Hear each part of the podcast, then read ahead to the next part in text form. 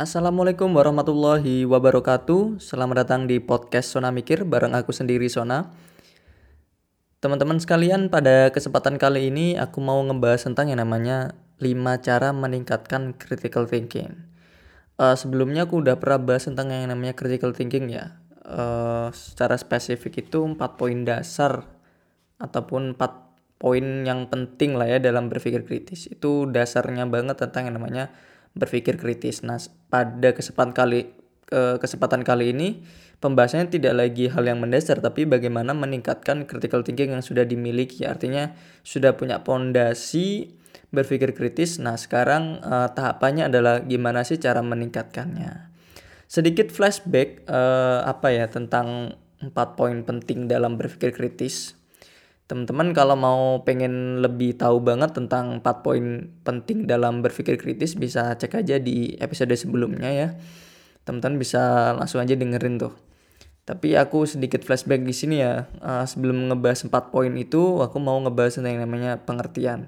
Ini juga lagi-lagi udah aku jelasin sebelumnya. Nah, di sini aku kembali tuangkan biar nggak lupa lah gitu. Ini definisi menurut uh, pandanganku sendiri tentang yang namanya berpikir kritis. Jadi berpikir kritis itu adalah atau critical thinking adalah suatu keterampilan berpikir secara rasional dalam memandang suatu masalah. Ini keterampilan ya, jadi emang bisa diasah. Berpikir itu adalah suatu keterampilan. Uh, jadi yang namanya kalau kita mau terampil artinya perlu belajar ataupun uh, dilakukan secara terus menerus dengan baik dan benar ya jatuhnya at the end of the day uh, we master it gitu. Nah itu tadi ya uh, definisi atau pengertian dari berpikir kritis. Sekali lagi berpikir kritis itu adalah suatu keterampilan berpikir secara rasional dalam memandang suatu masalah. Nah ini penting banget berpikir kritis itu uh, tujuannya adalah untuk yang namanya problem solving, decision making kayak gitu. Jadi untuk uh, pengambilan suatu keputusan atau untuk dalam rangka uh, usaha atau upaya dalam menyelesaikan suatu masalah. Empat poin penting dalam berpikir kritis itu adalah yang pertama curiosity, keingintahuan.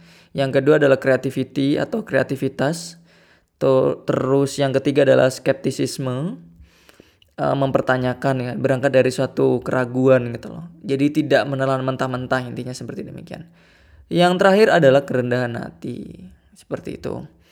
Nah itu uh, hal yang mendasar sekali lagi kalau teman-teman pengen tahu bisa aja uh, cek atau dengerin langsung di episode sebelumnya teman-teman bisa uh, scroll scroll lah ya gitu pasti ketemu kok.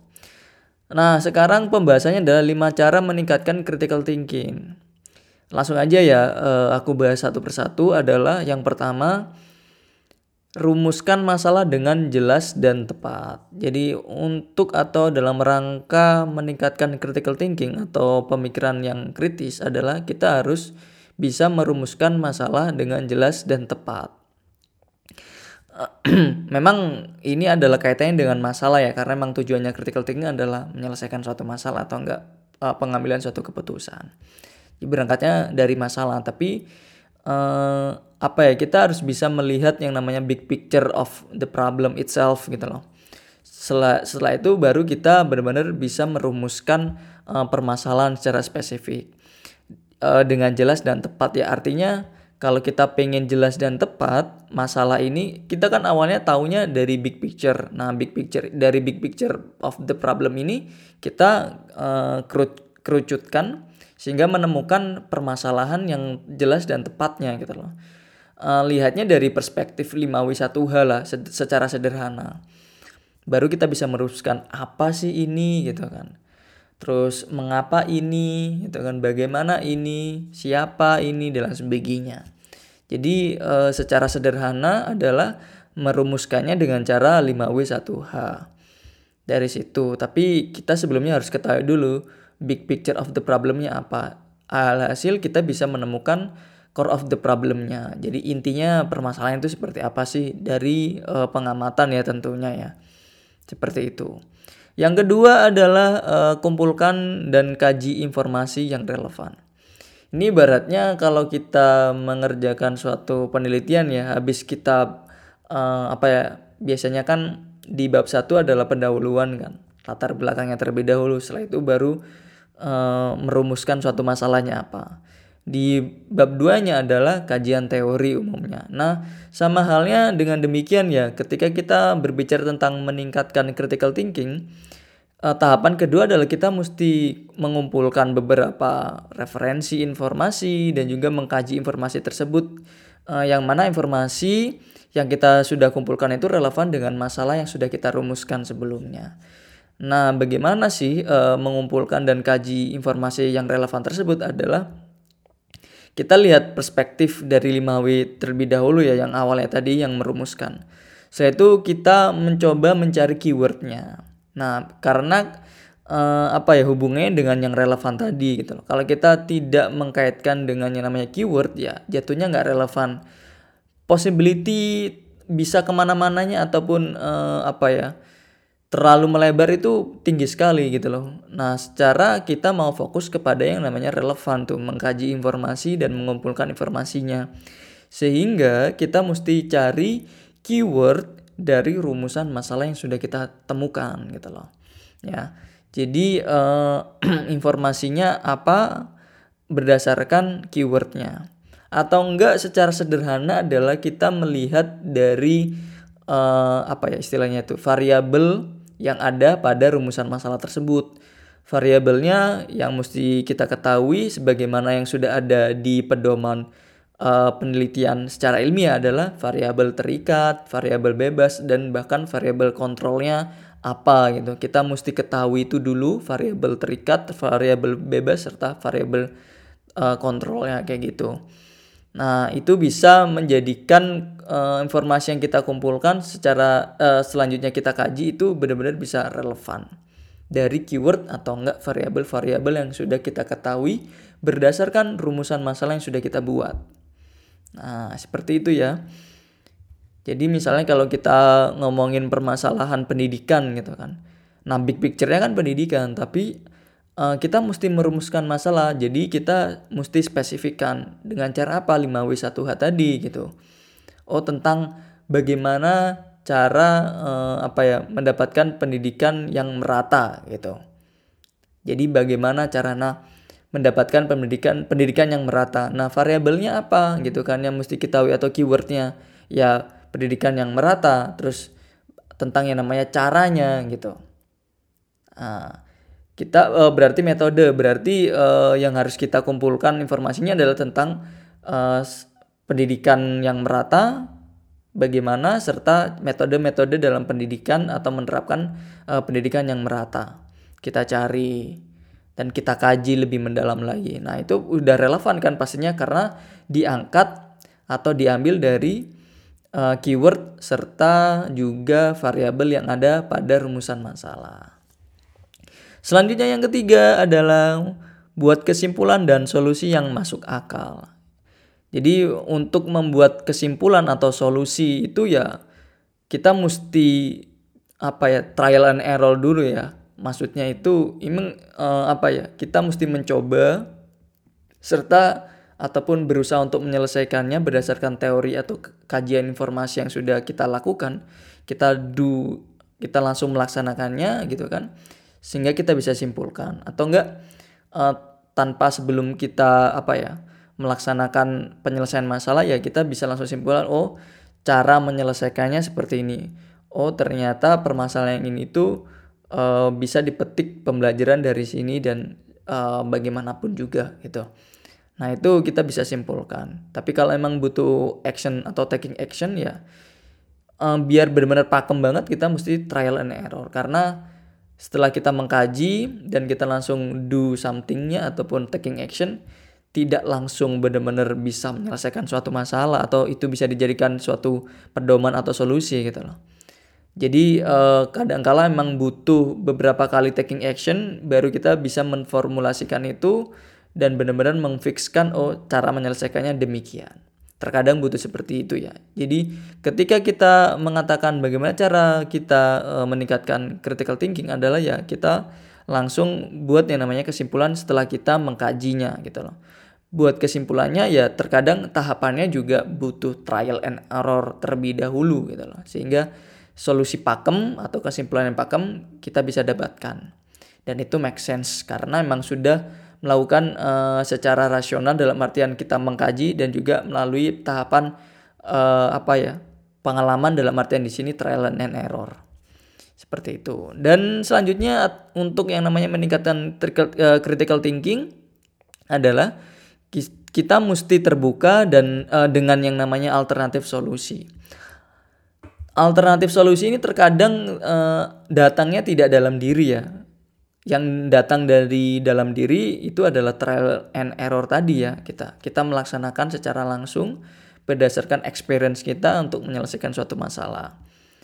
Nah, terkadang memang muncul solusi dari situ, tapi kadang-kala juga tidak gitu. Makanya kita mesti terbuka dengan yang namanya alternatif solusi. Misalnya alternatif solusi itu datanya dari eksternal kayak gitu. Tapi kita tidak mesti harus langsung menerima uh, alternatif solusi dari eksternal, kita juga mesti mengkajinya terlebih dahulu. Misalnya ambil contoh uh, ada suatu uh, apa ya masukan dari orang lain uh, tentang yang namanya solusi. Kadangkala solusi dari orang lain itu uh, memang bisa diterapkan, tapi kadangkala tidak relevan bukan. Jadi kita mesti mengkajinya terlebih dahulu. Oh, apa nih variabel yang berbeda misalnya? Oh, kalau aku A ternyata dia memang B. Jadi kita modifikasi agar relevan dengan kita. Kadang-kadang mesti uh, menggunakan cara seperti itu dalam artian kita perlu mengkaji tidak menelan mentah-mentah alternatif solusi, tapi kita mesti terbuka dengan yang namanya alternatif solusi dari pihak-pihak eksternal. Nah, selanjutnya adalah uh, untuk meningkatkan critical thinking kita mesti bisa berkomunikasi secara efektif dengan orang lain. Komunikasi secara efektif dengan orang lain ini adalah dalam rangka untuk uh, mendukung yang namanya alternatif solusi. Ya. Karena kembali lagi critical thinking itu tujuannya adalah untuk yang namanya menyelesaikan suatu masalah atau untuk uh, mengambil suatu uh, keputusan serta untuk mengambil suatu tindakan. Jadi tindakan itu terkadang ataupun penyelesaian masalah itu terkadang bisa dari dalam diri, tapi tidak menutup kemungkinan bisa datang dari orang lain, dapat masukan dari orang lain. Nah, kalau kita tidak memiliki kemampuan berkomunikasi secara efektif dengan orang lain ya, alternatif solusi yang menjadi poin keempat tadi bisa saja tidak muncul Alhasil kita mesti punya kemampuan komunikasi yang yang efektif atau secara efektif dengan orang lain agar alternatif-alternatif solusi itu uh, bisa saja muncul dan possibility-nya cukup besar. Sehingga uh, apa ya dalam uh, rangka menyelesaikan masalah ya kita lebih enteng jatuhnya. Tapi kembali lagi ya uh, kita mesti mengkajinya terlebih dahulu tidak serta uh, apa ya menelan mentah-mentah lah alternatif solusi yang ada. Dan juga uh, apa ya diskusi dengan orang lain dalam rangka ini ya mencari alternatif alternatif solusi tadi ya kita mesti uh, apa ya hati-hati juga. Tidak bisa langsung tadi menelan mentah-mentah atau tidak bisa secara langsung untuk uh, yang namanya menolak Nah, kita mesti punya filter lah ya gitu. Uh, dalam rangka ya kita biar mendapatkan informasi yang benar-benar make sense dengan kita, relevan dengan apa yang kita butuhkan. Nah, itu tadi uh, lima cara uh, dalam rangka meningkatkan critical thinking. Jadi kalau kita udah melaksanakan itu semua, merumuskan masalah dengan uh, jelas dan tepat, ya kan? Uh, kita pasti di, di situ dituntut untuk mikir karena kita harus berpikir tentang 5W 1H yang benar-benar uh, apa ya menjadi inti dari permasalahan atau menjadi core of the problem dari big picture of the problem itself.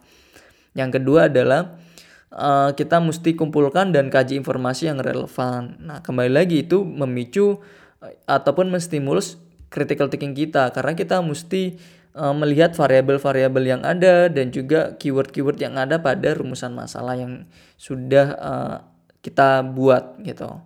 Dan dengan apa ya merumuskan eh sorry dengan kita mengumpulkan dan mengkajinya itu juga menstimulus critical thinking kita karena ketika kita mengkaji kita kan pasti akan memilah-milah ataupun bahkan menyeleksi mana yang benar-benar kita butuhkan dan mana yang benar-benar tidak karena tidak semua informasi kita kumpulkan itu terkadang uh, apa ya benar-benar relevan dengan apa yang menjadi kebutuhan kita. Jadi kita pasti akan memfilter itu. Terus um, buat kesimpulan dan solusi yang masuk akal. Uh, poinnya adalah masuk akal. Kadangkala emang uh, solusi yang kita gunakan itu bener-bener gak masuk akal atau gak make sense banget gitu loh.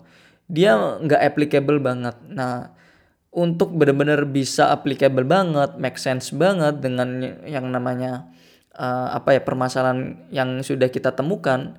Nah, itu juga mendukung yang namanya critical thinking karena ketika kita uh, berusaha untuk make sense solusi yang kita buat, kita juga pasti akan berpikir ya. Make sense di sini tidak hanya make sense untuk kita, tapi juga make sense untuk orang lain ataupun lingkungan sekitar karena tidak mungkin juga uh, kita tidak memperhatikan orang lain ya. Kalau kita mau benar-benar memiliki solusi yang masuk akal atau memiliki solusi yang benar-benar baik untuk uh, kesejahteraan bersama.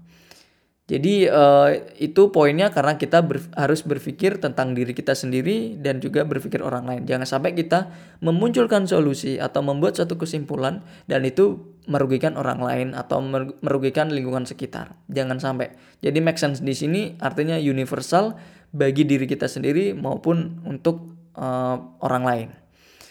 Selanjutnya adalah yang keempat adalah kita mesti terbuka dengan alternatif solusi. Ya tapi catatan di sini atau what we have to highlight di sini adalah kita tidak serta-merta harus menelannya mentah-mentah itu loh. Jadi kita mesti lagi-lagi ya filter gitu. Alternatif solusi itu datangnya secara umum bisa da dari luar atau eksternal. Tidak serta-merta itu juga relevan dengan kita. Kita mesti lihat ini benar-benar relevan nggak sih, variabelnya cocok nggak sih gitu metode-metodenya cocok gak sih dengan permasalahan yang sudah kita angkat pada rumusan masalah. Serta yang terakhir adalah komunikasi secara efektif dengan orang lain. Nah, kalau kita berusaha untuk mencari alternatif solusi dan benar-benar berusaha untuk mendapatkan informasi dari pihak luar, kan kita mesti bisa komunikasi dengan baik gitu loh. Dan kita mesti memikirkan cara untuk berkomunikasi, berkomunikasi dengan baik ataupun secara efektif juga kan dengan orang, orang lain Nah, proses berpikir menemukan cara komunikasi yang relevan tadi dan baik tadi itu juga memicu yang namanya critical thinking kita. Well, itu aja yang bisa aku sampaikan tentang 5 cara meningkatkan critical thinking. Semoga ini bermanfaat dan semoga teman-teman bisa lebih berpikir kritis lagi ya dan semoga dari berpikir kritis yang teman-teman miliki itu teman-teman bisa menyelesaikan suatu masalah yang sedang teman-teman hadapi. Itu aja yang bisa aku sampaikan. Kurang lebihnya aku mohon maaf dan sampai jumpa di podcast berikutnya. Wassalamualaikum warahmatullahi wabarakatuh. Bye.